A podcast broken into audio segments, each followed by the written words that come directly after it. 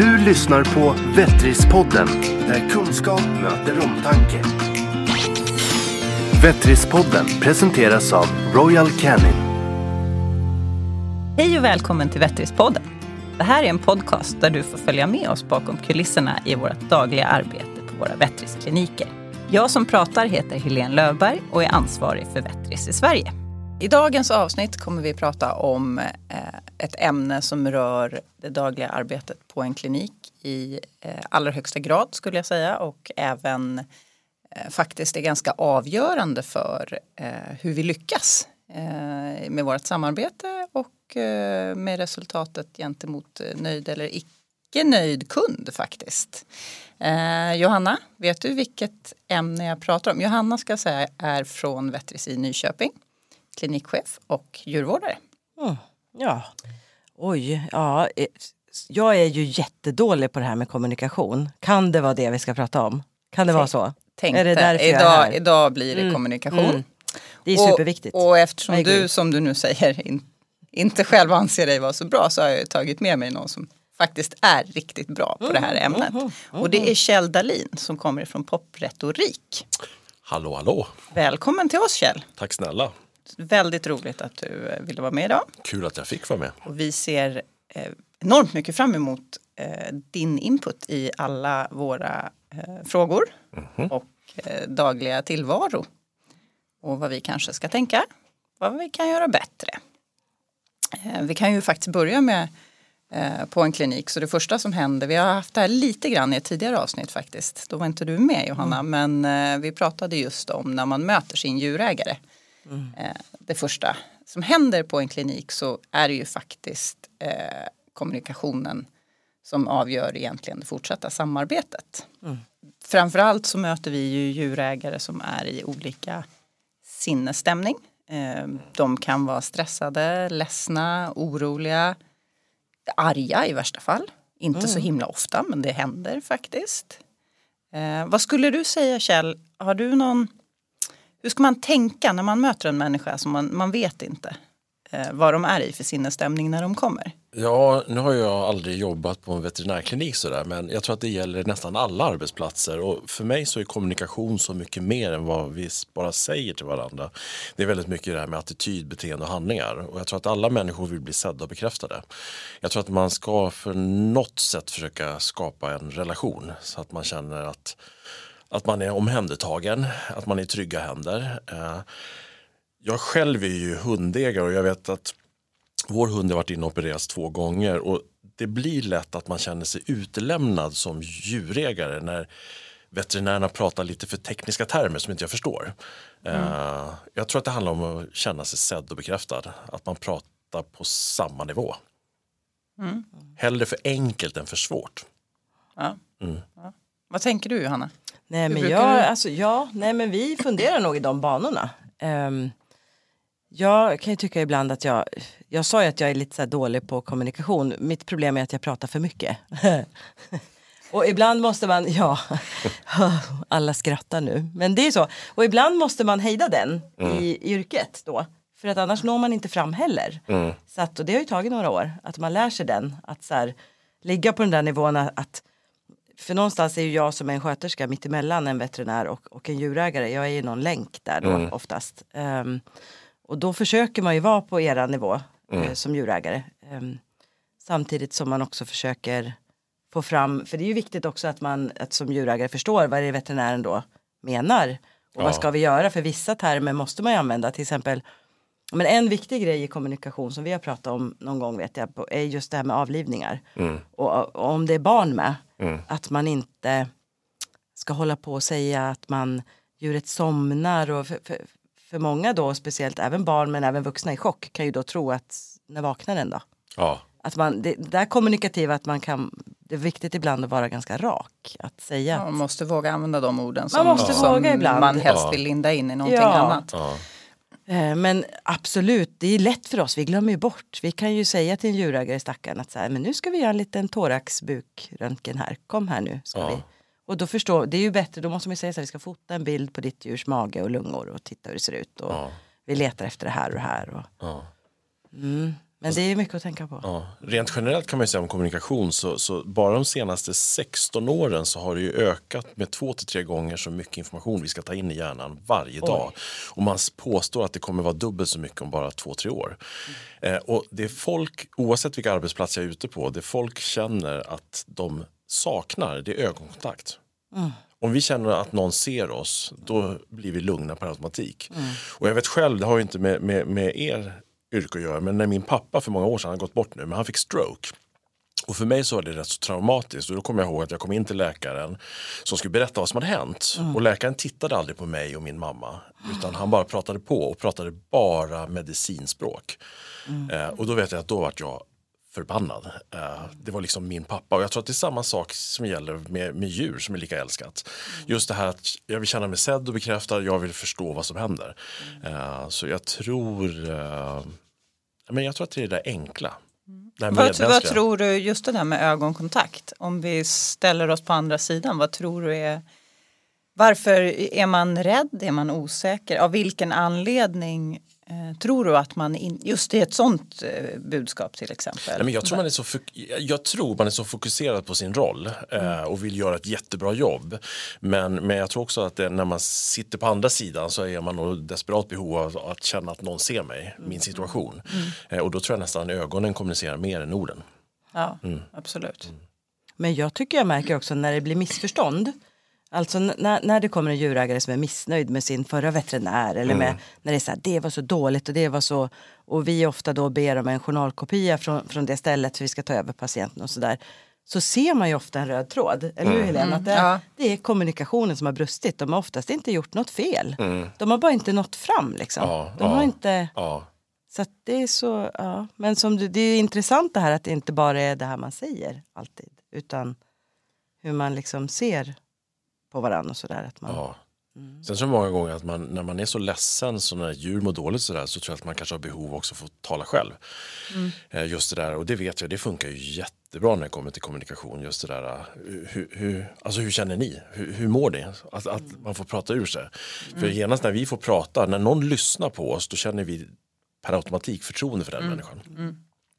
Så jag tror många gånger får man bara prata lite och känna sig sedd och bekräftad, då känner man nog förtroende för veterinären och djurvårdaren.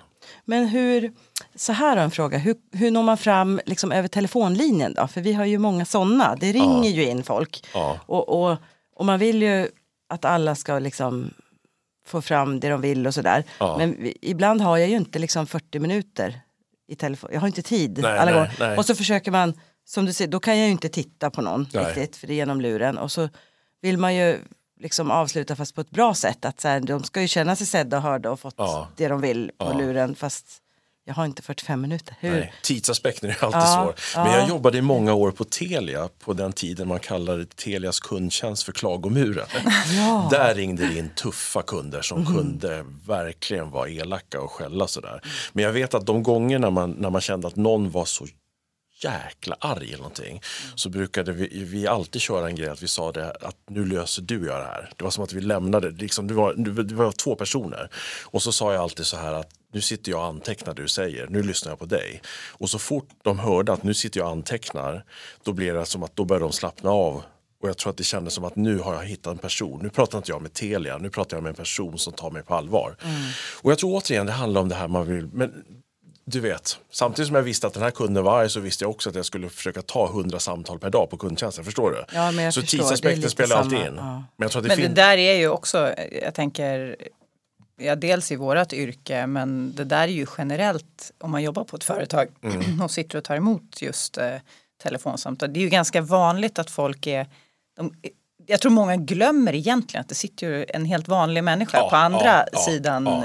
Eh, luren och det är ju det är ju en enormt, alltså alla som jobbar så där får ju någonstans ändå till sig från sina företag och från andra ställen också att man, man får inte ta det personligt för de är inte arga på Nej, dig men nej. det är ändå en ganska tuff utsatt sits. Och Jättetufft. det är ju oerhört viktiga, finns det verktyg för att hantera och kanske vända den i andra änden precis som du säger så Ja. är det guld värt. Och jag vet när, när jag utbildade, speciellt så kunde det ringa in folk som var, sa dumma saker, ord man inte får säga, speciellt till tjejer som jobbade där. Och vi sa det, ta aldrig någon skit. Den kunden ska vi liksom inte ha kvar. Eh, Men, men, men, men det jag märkte det var ju det att så fort, så fort, jag tror många gånger att varför man blir arg, eh, det är nog för att man känner att ingen lyssnar. Jag tror, jag tror att det är det det handlar om. Så om man hör att någon lyssnar, och speciellt när man sa det här till kanske någon som var arg, att jag sitter och antecknar lite under tiden. Och hör man att någon sitter och antecknar, då, då vräker man inte ur sig vad som helst. Nej, men det, den är ju smart för att vi skriver ju i journalerna Ja. allt vi säger fast Ja. vi berättar ju inte alltid att vi gör det. Det Nej. kan man ju kanske lyfta lite då att man alltid säger det. Du, jag skriver ner här vad du säger till mig Ja. i journalen. Ta det lugnt, du sa att jag var en idiot, jag måste bara skriva ner Jag skriver ner det här. Hör du, knapp, knapp, knapp, knapp, knapp, knapp, knapp. Ja. Nej, men jag tror, alltså, vi, Nej, men, ja. Mm. vi, är människor. Alltid kommer vi ha situationer då vi också, det, det, det, tro mig, jag är ute och föreläser mycket om det här med hur man ska behandla alla schysst och se alla människor och sånt där. Sen, sen så, man har dagar som bägaren rinner över. Syvende och sist är vi bara människor. Ja. Har du ringt och skällt på någon i andra änden av en telefonlur? ja, så in i bängen. Tro mig. Ja. Var det, var det innan eller efter du snurrade in på det här spåret? Som... Nej men det var efter, det var, men det var, det var en telefonförsäljare som sålde på ett telefonabonnemang fyra dagar efter min far gått bort med min mor. Eh, och det var inte okej. Nej, hon sa inte ens ja tack utan det bara kom en påminnelsefaktura. Då brast allt. Det telefonsamtalet vill ingen höra. Nej. Nej. Nej. Nej, som sagt. Men, och det är, också, det är ju lite som vi var inne på från allra första början. Ett utsatt läge Ja, så är det. eh, känslomässigt. Ja, Eh, ja. ja, men så är det. Så är det. Och det där får man inte heller glömma bort. Många gånger kan det vara så att man tycker att det är en bagatell och folk är upprörda. Men det kan vara någonting som har hänt tidigare under dagen eller tidigare under veckan. Eh, vi vet aldrig vad en människa bär i ryggsäcken. Så är det. Och, som sagt, jag tror att nästan det viktigaste ingången det är det att ta inte det här personligt. Varför folk blir arga är många gånger för att de, de känner att de kanske är maktlösa. Ja. Det kan jag tänka mig ni verkligen känner igen från er. Där man kanske ja, bryter ihop för att ens älskade djur kanske inte går att rädda någonting. Och då någonstans pyser ventilen. Ja och sen hos oss har vi löst det, det gör man ju lite olika. Jag tänker det är ju inte bara vår arbetsplats. Jag tänker många arbetsplatser kanske man gör att man alla är ju bra på olika saker. Mm. Jag gillar ju det här med att snacka och kommunicera med folk och så. Så hos oss är det ju, skickar de ju fram mig. Liksom. Ja, nu får du ta Ja, snacket. ja. Men det kan många gånger också vara bra eftersom jag inte är veterinären. Så kan det vara ganska bra för jag kan ju alltid lite så här man skyller inte ifrån sig men jag kan ju prata om någon annan så jag blir liksom kompis med den här Ja. djurägaren då. Då kan jag prata Ja. så här, vet du veterinären sa så här. Ja, För det ja. här är ju det bästa för djuret. Och för Ja. Du blir nog inte fullt lika medicinskt korrekt i ditt Nej. språk heller. det, nej, exakt. Och då blir man som en liten länk. Mm. Eh, som vi använder oss ganska mycket av. Sådär att, Mm. Ja men det tror jag är jättebra. men det är svårt. Och det är svårt också känner jag att så här, lära ut. Ja, Men att kommunicera är någonting. Man kan ju använda vissa riktlinjer eller vissa sådana där smarta grejer. Men annars så har man ju det eller så har man inte. Det är svårt att så här. Nej, Det, gäller, precis, det gäller ju att hitta nivån. Och sen så måste man vara tydlig. Ja. Eh, och så ska man någonstans försöka uppfatta att den man pratar med har förstått vad man säger. Jag tänker just som inför olika behandlingar och n- när man ska göra saker på en klinik så tror jag ju på eh, att försöka sammanfatta. Man pratar och man pratar och man pratar och man diskuterar och kors och tvärs. Och sen så som, som ett avslut eller snarare innan man påbörjar kanske att man eh, summerar vad man har kommit överens om och vad, vad planen är att man ska göra framåt. Ja men det kan ju vara klokt så att de ändå är med på tåget. Liksom. Mm. Eh, Men jag tror, jag jobbade jättemånga år i mitt liv på, i krogvärlden. Liksom. Mm. Och då handlar det om, snacka gör man ju för att tjäna dricks. Liksom. ja. Det är ju någonting, Då lär man ju sig ganska snabbt Ja, att, så här, ja. hur man vänder sig till folk, alla olika människor. ja. Så här, fyll, fulla grabbgänget till Ja. så här, tanternas kommer ta två glas vitt. Liksom. Ja. Det är bra Bra erfarenhet. ja, Ja. svinbra. Ja. Så innan man blir veterinär eller börjar Innan jobba inom så är det väldigt bra att Gå ha en på sväng på krogen. krogen. Ja, ja, gå på krogen är det var kul. Aha, göra. Eller jobb, ja precis. Mm. Men sen är det så här, jag får ju ofta höra det här, att, att jag ska vara kommunikationsexpert och jag köper ju inte det där. För att någonstans, jag tror inte det finns kommunikationsexperter. Det finns människor och vi människor du är är ju olika. kommunikationsarkitekt. Ja, precis. är? Ja, det är en snygg titel. Ja, men jag tror att vi människor är så pass olika och, och det, det, det finns en risk när man hela tiden börjar generalisera och sätta in folk i fack. Att det funkade en gång, då kommer det funka nästa gång. Och där kan man ofta trampa i klaveret. Att eftersom, eftersom jag pratar nu med en kvinna så måste hon gå igång på de här argumenten. Mm. Så funkar det inte. Vi människor är så olika. Eh, så att jag tror att, eh, och så ska det vara. Vi människor ska vara olika. Det är det som är meningen med mänskligheten.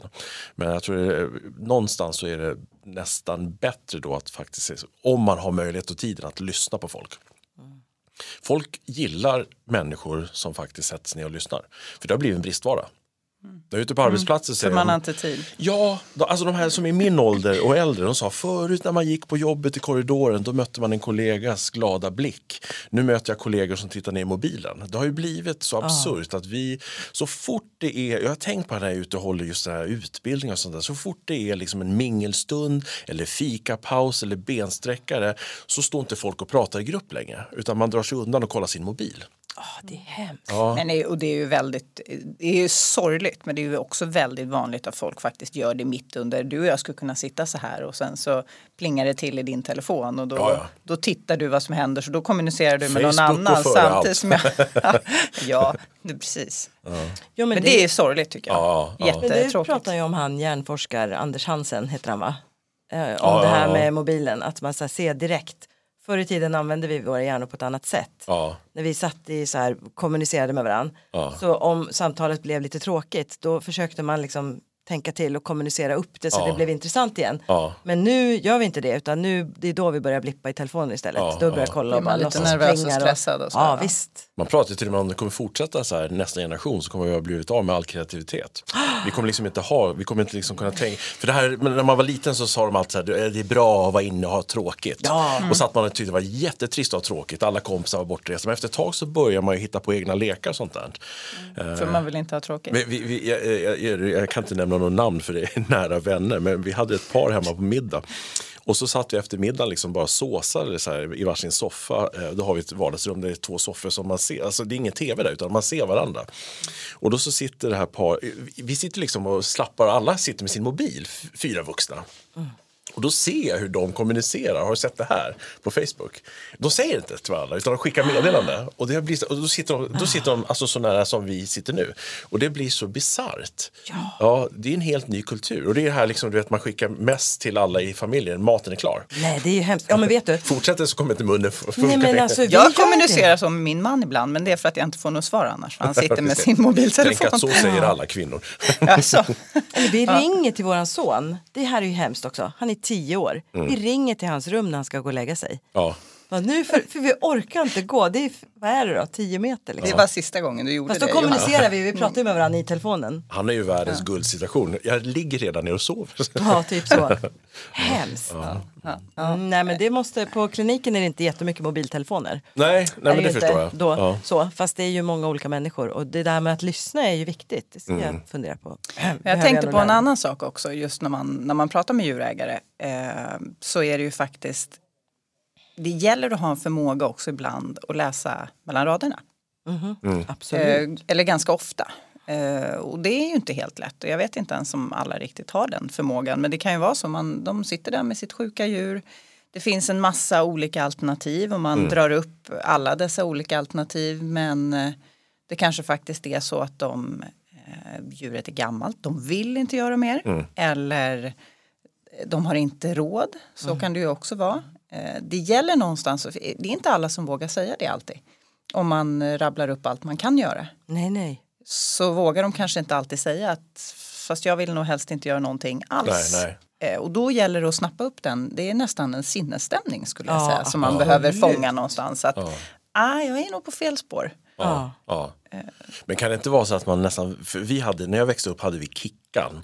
Kickan var här riktig gatukorsning vi plockade med oss från Finland där mina föräldrar kom ifrån. Och vi älskar den där hunden över allt annat. Men så här med, med facit i hand, den där hundstackaren borde ha fått somna in två år tidigare. Den var ju blind och döv och alltså det var ju synd om hunden. Men det var det här, det, det, vi lyssnade inte.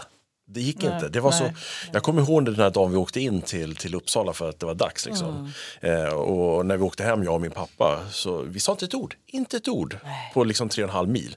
Och sen när vi kom hem till huset så gick vi liksom in i varsin toalett och där berättade mamma att uh, satt vi och böla. Och jag tror att hade någon ens försökt vinkla in det så tror jag att vi hade sparkat bakut. Jo men så är det nog och jag tycker man är många djurägare som man, man kommer aldrig dit. Man vet att det, är- det är det som behöver ske. Ja. Man kommer aldrig dit första gången. För det är en process Ja, också ja. och man behöver ha den processen. Ibland kan man behöva träffas många gånger Ja. innan man liksom Ja. når. Men då får man ju försöka hitta ett sätt att få tillbaka dem kanske. Ja, och man kanske någon dag senare eller nästa frö vecka. Eller, ja, men precis, Ja, man börjar med ja. att plantera fröet och sen så nästa gång man ses så pratar man. Så de ändå någonstans känner att de har faktiskt gjort det de kunde och nu är det dags. Och ibland vill inte de ta beslutet. Vissa tycker att det är skönt att någon annan tar beslutet. jag tror att det, liksom ja. kommer det här, fast vet du, det här Ja. är ju det bästa för, Ja. Tycker vi. Ja. Och så. För det var säkert fem år, kanske sex, sju, åtta år efter vi hade tagit bort hunden. Så då fattar man ju, det var rätt Ja. taskigt mot hunden att ha kvar den så länge som vi gjorde. Eh, men, men du vet, det var... Men den där sinnesstämningen är jätteviktig. Det är samma tycker jag liksom efter en avlivning. Att vissa människor vill ju liksom vara kvar med sitt djur jättelänge. Eh, Jag tänker om de ska lämna dem och de ska gå på kremering och så här. Och vissa vill bara, som du sa, så här, men det, det är din pappa, ni kanske bara ville ut i bilen, hem in i ett varsitt badrum och gråta ut. Ja. Och vissa vill liksom gråta ut i famnen på någon. Ofta mig då, apparently, eftersom jag står där då. Ja, men alltså, Och den är ju också en sån här sinnesstämning för man kan ju liksom inte krama om alla Nej, där. nej. Och, och det går ju inte, det som du säger, man kan inte generalisera heller. Det kan ju vara den mest hårdnackade jägaren som är där. Ja. Och som har varit där och avlivat fyra hundar innan och man har, det har inte varit något problem och han har liksom burit in dem i bilen själv och åkt hem liksom. Ja. Till att så här, den här nummer fem, då bryter han ihop. Ja, just just. Till exempel. Ja, Eh, så att det är ju men där är det ju mer den här stämningen och den här tysta kommunikationen som, som att man får liksom känna Ja. av ibland. Ja, det är en förmåga. Ja. Men just det här när man ska kommunicera med folk som, som är i en sinnesstämning som faktiskt man kan ju säga att man blir, man blir ju blockerad egentligen för det man mottar. Finns det någon, eller det gör det väl, som du säger, man ska titta och man ska visa att man lyssnar och sådär. Men, men är det faktiskt så att ibland så, hur ska jag ställa den frågan? Det blev jättekonstigt. Men, Nej, men jag, jag ja, men jag, jag- tänker jag just så jag här om, om man liksom, finns det något sätt rent kommunikationsmässigt att, eh, att ta sig förbi de här känslomässiga blockaderna som gör att man inte är mottaglig. Eh, ja, det, det är så himla svårt. Det är ju inte riktigt det, det jag jobbar med. Alltså det, Nej, nej, men jag tänker ändå- Ja, men jag tror så här. Jag tror så här. Jag tror. Eh, eh, jag vet att. O- om jag går tillbaka när, när min far gick bort eh, så vet jag att vi hade möte med, det gick så himla fort så att vi träffade begravningsbyrå och präst jag tror att det var dagen efter eller det var två dagar. Det gick, det gick undan, det var, det var, det var liksom sånt tempo. Och då vet jag att det var eh, en, en präst som frågade just det här, eh, berätta hur känns, hur känns det just nu? Och det där var så befriande. För att, Men är inte präster grymma på sånt? Ja, ja, de är väl så här eh, lyssnare? Eller? Ja, annars skulle de nog välja något annat Ja, yrke tror jag. ja, ja. Annars skulle de bli klinikchef Nej, men jag tror någonstans det. det men det var, det, var, det var liksom att det var någon som... För det, var, det, det är så märkligt när man hamnar lite i chock, vilket man gör när, när, man, när, man, när man får tuffa besked. Så här. Men det behöver någon som tror jag, lyfter på den där ventilen. Och det, jag tror inte riktigt man... Jag tänker, om jag... Nej, men om, jag, om, man, om man går igenom en jo- jobbig situation, det, det är inte så lätt. Det är kanske för att jag är kille, vad vet jag, nu håller jag på att generalisera. Men jag, jag ringer inte en kompis och pratar. Eh, är det riktigt tufft så går jag inombords, alltså jag blir introvert. Eh, om någon, någon lyfter på ventilen och säger berätta hur känns det just nu? Eh, så, är, så är det, det, det, var så, det var så befriande. Där någonstans var det som att man, du vet den här pysventilen, psh, Men det där att lyssna tror jag också är klokt för vi hade det, det- det är också när folk kommer och är arga liksom. Vare sig de är arga på något som vi har gjort eller någon annan klinik har gjort och så. Då tror, har jag också märkt att liksom, om man bara så här lyssnar att de får så här yrsla ur sig. Så blir det ju oftast, annars man når ju inte fram till någon som bara är arg heller. nej, nej, nej, Så. nej, nej. Nej. Måste riva den där muren först. Ja. Ja. Det vet jag folk som har gjort. Men då pratar vi människor som är riktigt arga i och för sig. Så får de skrika en stund och skälla och ha sig och sen så efter ett tag så här okej, har du skrikit klart nu? Ja, det, brukar funka. börjar det om. Den brukar liksom. funka, precis. Nej, det, Nej, den, den brukar funka. Det är väldigt sällan så nej jag har tio minuter skrik kvar. Vänta nu. Nej, men sen har vi ju faktiskt en annan del också eh, där kommunikationen är oerhört viktig och det handlar ju faktiskt om ekonomi. Eh, det är ju ganska mycket pengar ofta det handlar om i veterinärbranschen och eh, det är det någonstans eh, som det faktiskt ofta blir diskussioner så handlar det ju om i slutändan vad djurägaren ska betala. Mm.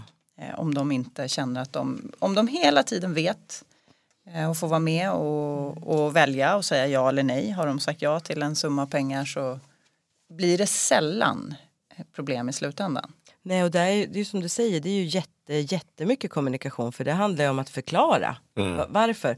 För, också, för att säger man bara så här, ja, jaha du ska ta ut en tand på Tusse, det kommer kosta allt från 2000 till 12 000 och så säger man inget mer, då blir de ju vansinniga. Vadå 2 till 12? Men om man däremot säger så här, ja det beror på om det är fler tänder och hur det ser ut och hur mycket infektion det är och om Tusse kan somna direkt eller om han är stressad och behöver mer medicin eller ja.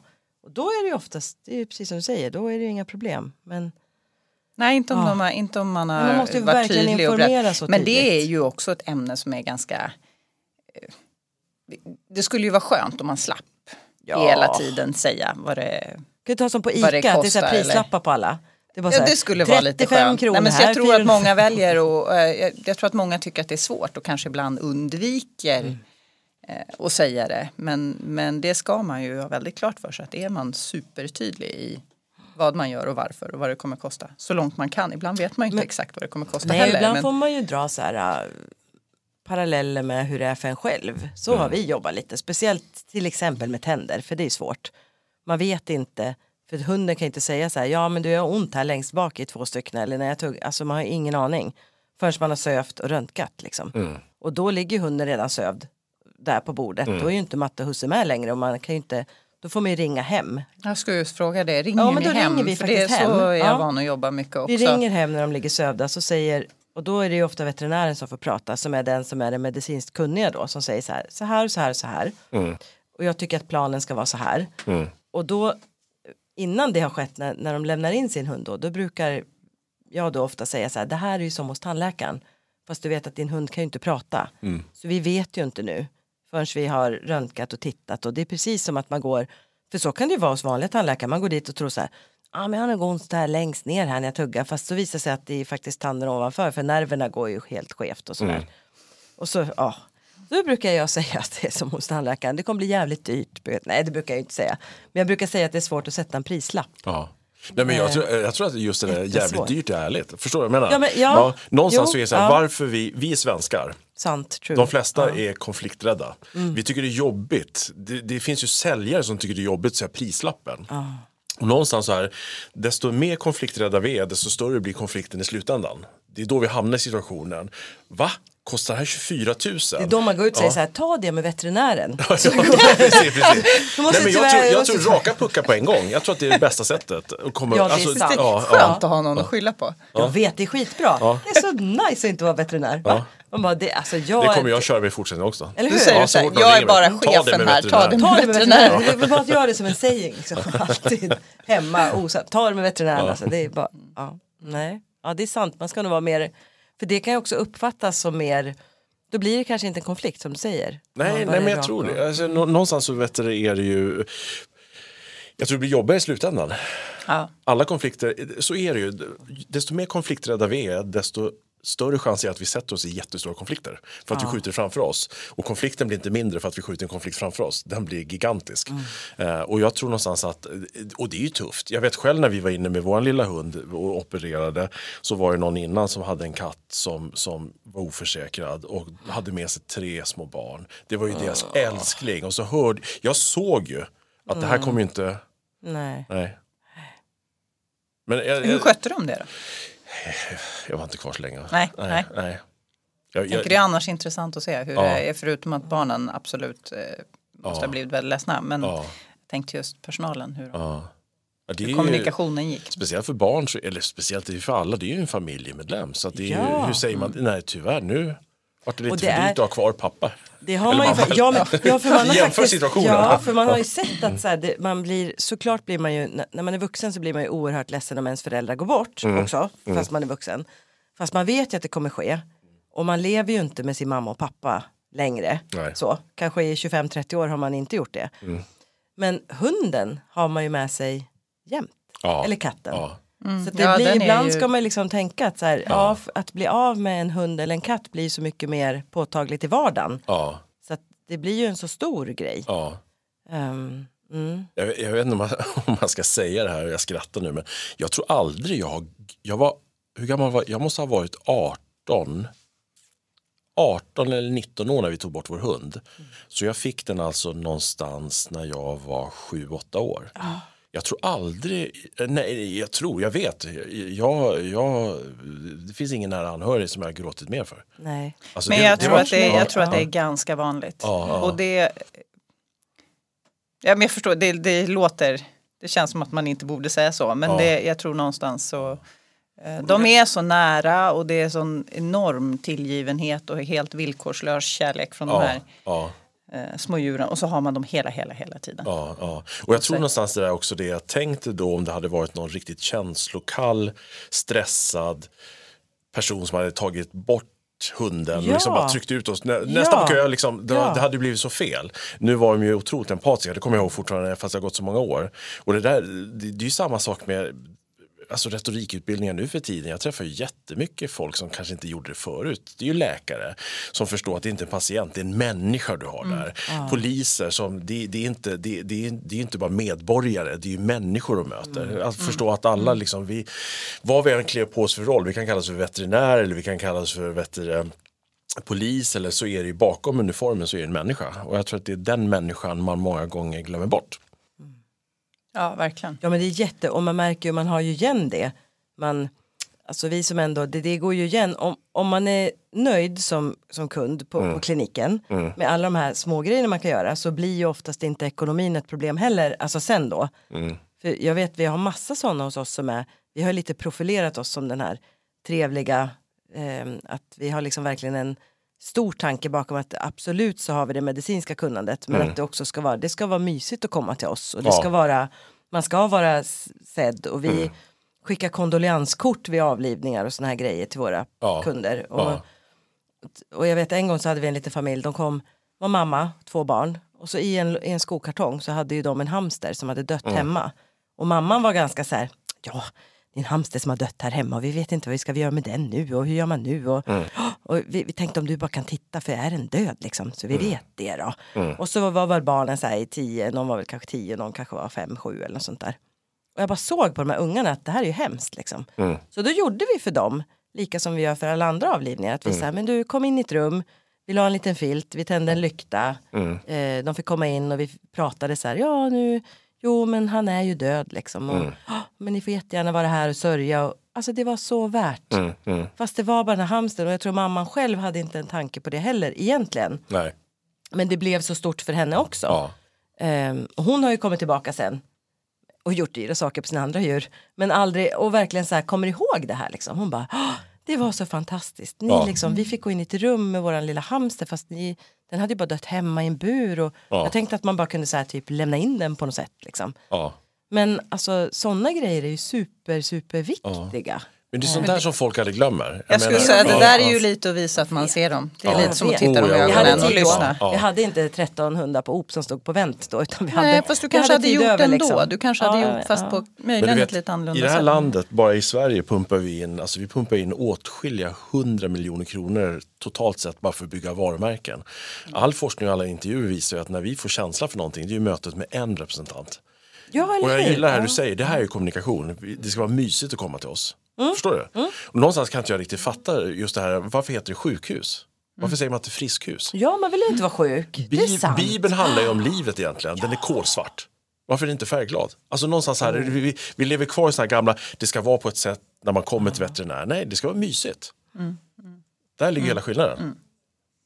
Ja, och sen ska det vara hygieniskt och hela den aspekten. Och när man, när man gör det så blir det ofta omysigt. Men det går faktiskt att göra det mysigt. Om man bara Ja, tänker men- att man ska. Jag var på hundutställning i helgen och det är också så här roligt. Då är det så här kommunikation med en domare va? Ja. Och då har man ju fattat själv eftersom man är så här amerikaniserad och störd i huvudet så ser man jag kollar ju direkt så här, hmm, vad tittar den här domaren på? Så såg jag så här på de här tanterna och farbröderna och som det då är och jag är väl en av dem då som visar sina hundar där i ringen så såg jag någon som var sur och någon som tänkte så här ja men alltså domaren ville ju liksom prata, jag såg ju på henne, hon ville ju så här snacka men de här var ju så här nervösa och bet Och så jag tänkte så här, du yes, mitt Jävlar, expertområde. Jajamän, tänkte jag. Och så var hon ju amerikan. Oh, I love it.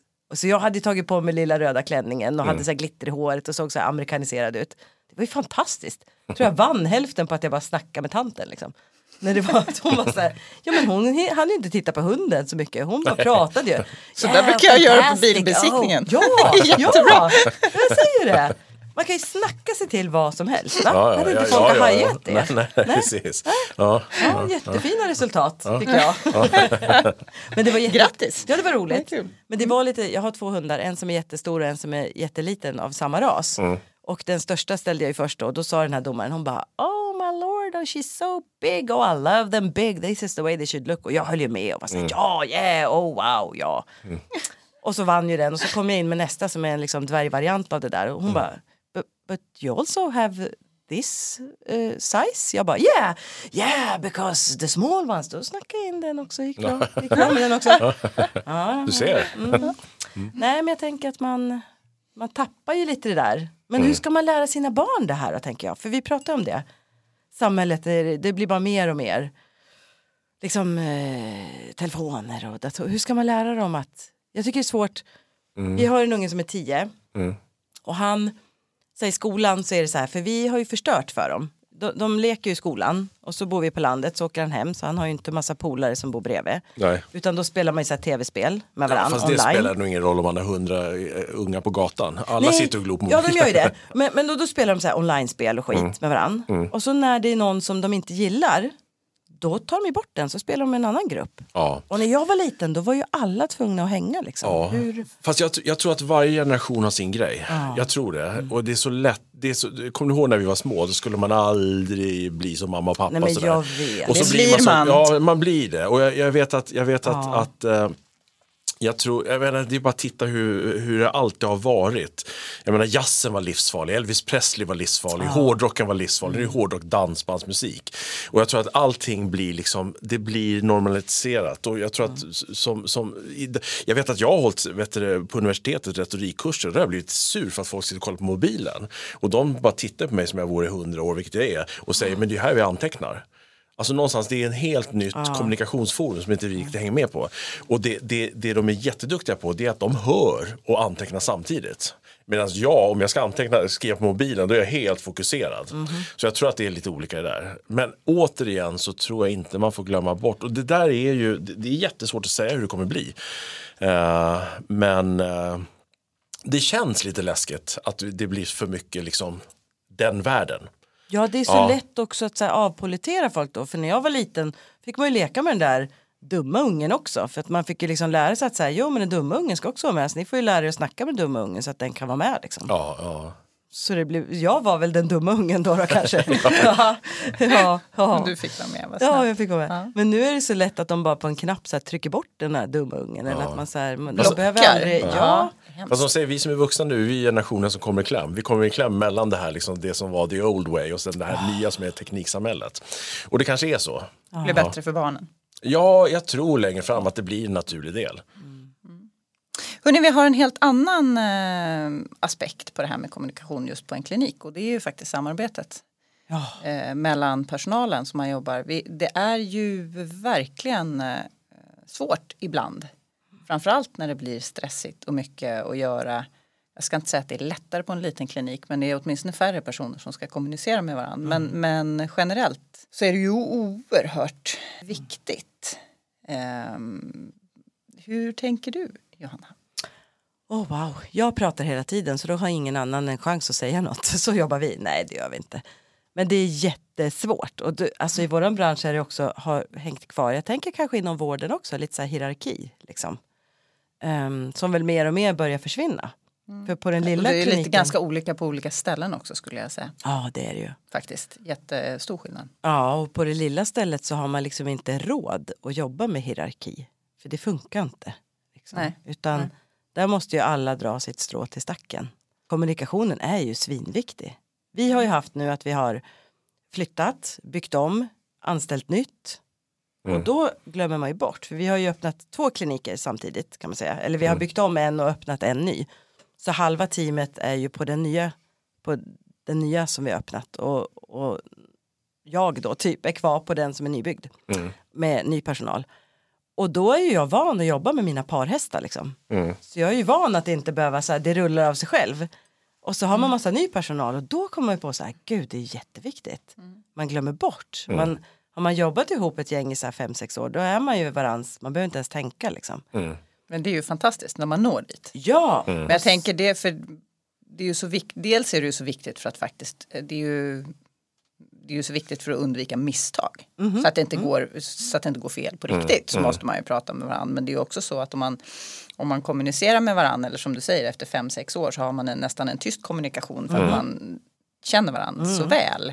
Eh, men för att få upp effektiviteten också så är det ju också väl. Just det här med dold kommunikation höll jag på att säga, eller den här kommunikationen som sker i det tysta. Ja, Det är ju rätt häftigt. ja, ja och läskigt. Och läskigt. Ja, precis. Vad är det som händer egentligen? Alltså det, det, jag, jag får ju träffa ungefär tre arbetsplatser i veckan och nu har jag hållit på så pass många år så jag måste säga att det- jag märker, de arbetsplatser där folk trivs väldigt bra så är de duktiga på två saker. Det ena är att de är jätteduktiga på att se varandra och säga snälla saker till varandra. Alltså lyfta upp varandra. Eh, det finns arbetsplatser där faktiskt folk inte ser varandra. Man kan gå en hel dag och det behöver inte vara jättestora arbetsplatser där man knappt säger god morgon. Eh, utan det, de är duktiga på att se varandra och säga snälla saker. Och sen så är de väldigt duktiga på att ha, känna stolthet. De berättar för varandra, liksom det här storytelling. De berättar liksom när de har gjort något bra, när en kollega har gjort något bra. När, saker de känner att det här är jag stolt över och klappar sig själv för hjärtat. Eh, och jag tror att kommunikation, det är bara att titta på alla som har varit i ett förhållande. Slut, ibland brukar jag säga så här, alla som har varit i ett förhållande vet hur svårt det kan vara att kommunicera. Tänk då att en arbetsplats funkar, det är ju ett, ett mirakel egentligen. För ett förhållande, då är det no två shit. personer som Ja. förhoppningsvis älskar varandra. Och du vet att slutar man kommunicera ett förhållande så blir det sprickbildning. Och i slutändan så kommer vi börja tolka varandras signaler. Och det är det som kan hända på arbetsplatser. Jag tror, vad man än jobbar med, och så borde man sätta sig ner en gång i veckan och rensa luften. Alltså prata ut, liksom, hur, hur mår vi, hur känner vi? För att dels gör man det en gång i veckan och inte en gång per år när det är infekterat. Då blir det så lätt att faktiskt vara öppna mot varandra. Och har man ett öppet klimat då är det också lätt att reda ut det. Det är den där lilla konflikten som man inte ska skjuta framför sig. Nej, precis. Och du vet, det är så, jag, jag träffar ju arbetsplatser då det liksom har varit personer, alltså stora arbetsplatser många gånger, då det är två personer som, som, som vet, inte har pratat med varandra du vet, på fem, sex år. Undviker varandra på lunchen, går åt olika håll. På ett ställe så var det en omorganisation så de här två damerna blev tvungna att jobba med varandra. Och då måste man ju då från HR sida skrapa på ytan och kika liksom, vad är det som har hänt och det är ju bagateller. Det kan vara att, att, att, att, att någon har gått igenom en riktigt tuff vecka hemma och blivit introvert och sen tänker den andra personen varför säger inte hon god morgon? Och går det mer än en, två veckor så börjar man liksom, men då börjar jag umgås med någon annan, gå och käka lunch med någon annan. Och då tänker den där personen, vad har jag gjort för fel eftersom inte hon vill käka lunch? Så vi är i, till syvende och sist, vi är barn hela livet. Ja, Jag tror många gånger barn är bättre på att reda ut. Ja, de är nog rakare. Ja, ja, men- ja, så är det. Så, är det. så någonstans tror jag, jag tror på det där att ha en kultur där man är riktigt, riktigt schysst mot varandra. Där man säger komplimanger, det ska vara liksom en naturlig del. Ha också en situation där, där, där, där, där, där man berättar vad, man, vad vi är stolta över. Så man, jag tror att det är viktigt att känna vad är man stolt över. Man lägger ner så jäkla mycket tid på jobbet. Och sen en gång i veckan, ha lite så här öppet, säg. Super. Hur jobbar du? du? Som du sa, du har ju en helt ny personalgrupp hos dig. Hur jobbar, jobbar, ni, jobbar ni aktivt med kommunikation? Eller hur gör ni? Ni- Jag vet att ni har haft jättemycket att göra när ni har satt igång. Så att ni, Vi har hinner fått, eh, inte prata med gasa. varandra. Typ. Nej. Ah, kaos. Nej, jo men det gör vi. Alltså, jag märker ju hela tiden, speciellt eftersom vi har en ny, så här, framme på telefonluren i receptionen har man ju en spindel i nätet alltid. Där vill man ju ha den vassaste kniven i lådan oftast, för det är liksom en knytpunkt på en klinik. Ehm, och där har vi också en ny tjej, hon är jätte, jätteduktig. Ehm, och där har ju jag fått lära mig att så här, jag måste ju vara tydlig i min, det är så himla lätt att bara säga, ja men gud det är ju självklart. Ja. Det är så självklart tycker man själv. Ehm, så att där, där, där har jag verkligen försökt så att skriva, jag får skriva ner och lämna när jag kommer på saker. Så skriver jag en lapp och så har jag en lapp som jag har liksom så här, åh det här har jag tänkt på. Du, det här har jag glömt säga till dig. Fan så här gör vi med det här liksom. Shit. Ofta händer det ju i den dagliga verksamheten att hon kommer och blir så här, hur gör vi när det är så här då?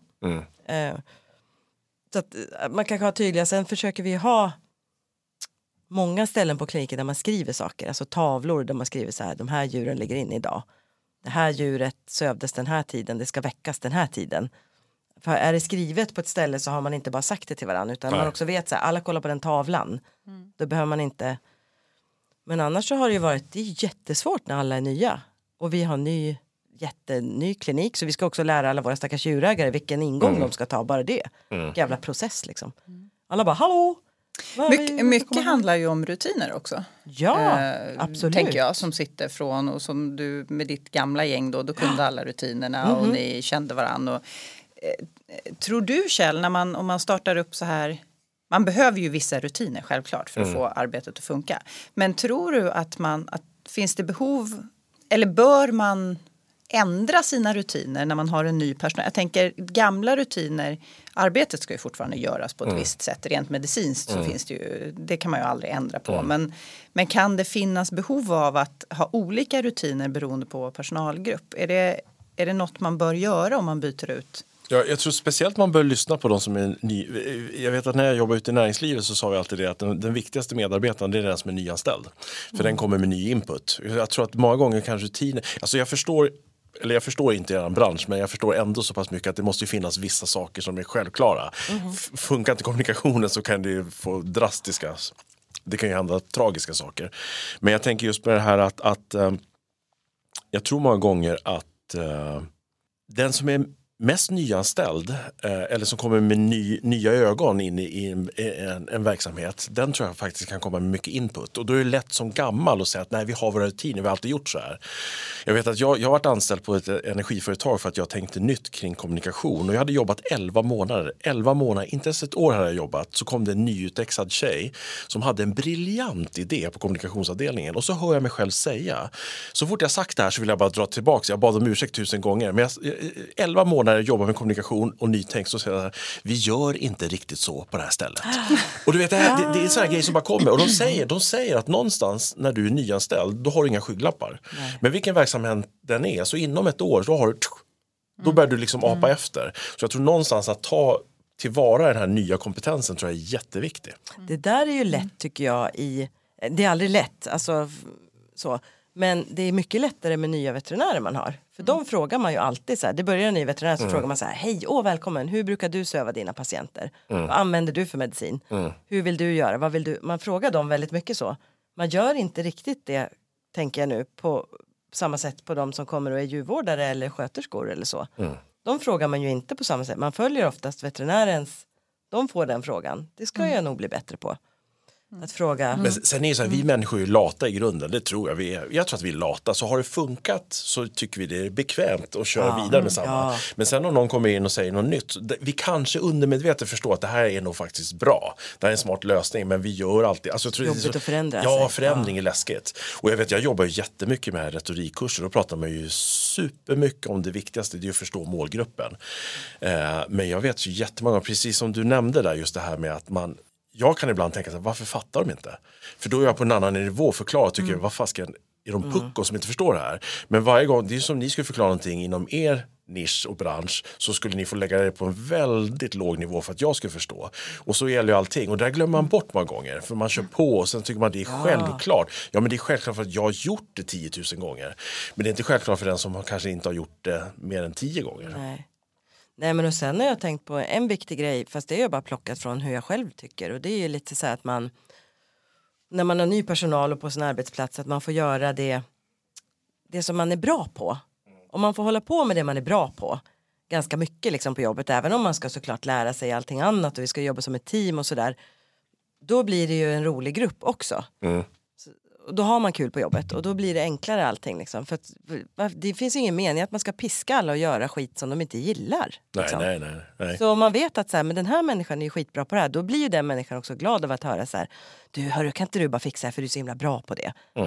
Och då blir det ju jättebra för då kommer ju den människan också den dagen kanske göra något den inte är så himla bra på för att den måste och den är okej med det för den ändå fick, man fick den här, du är så bra på det där, att man det är ju någon ren egoboost till mig själv för att jag hade en gammal chef som brukar säga så till mig och det tyckte jag var så bra. Jag bara, gud jag blir så glad när du säger att det är så bra. Så nu, men den är lite så här, en ny personalgrupp kan det vara ganska kul att man börjar med den så här, vad är du bra på? För då ser vi till att du, det blir din grej liksom. Sen tror jag, det spelar ingen roll hur länge vi har jobbat med något, vi, vi behöver höra att vi är bra. Ja, ja. Vi behöver bekräftelse, Ja, vi är ja. människor. Ja. ska säga, vi ska alldeles strax eh, avrunda. Vi har pratat, tiden går väldigt fort när man har roligt. Men jag tänkte just på när du säger sådär, eh, konsten att ge feedback är ju också ett helt eget Ja. ämne egentligen. Men jag tänker just vad långt man kan komma med eh, just framförallt positiv feedback.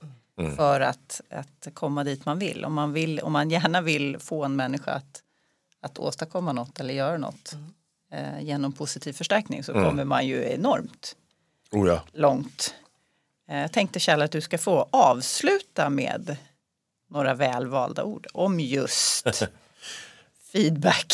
Om feedback. Nej, men jag, tror, jag tror det stämmer som du säger. Jag tror, jag tror att vi människor vill utvecklas. Jag tror att vi vill växa som individer och det gör vi genom feedback. Många gånger tror jag att feedback kan bli lite fel för att man pratar bara om så att säga saker som är fel. Eh, men om man börjar med att ge beröm åt det man är duktig på då är det lättare att ha en sån kultur där man gör det hela tiden kontinuerligt. Många gånger så får medarbetare ute på arbetsplatser feedback en gång per år.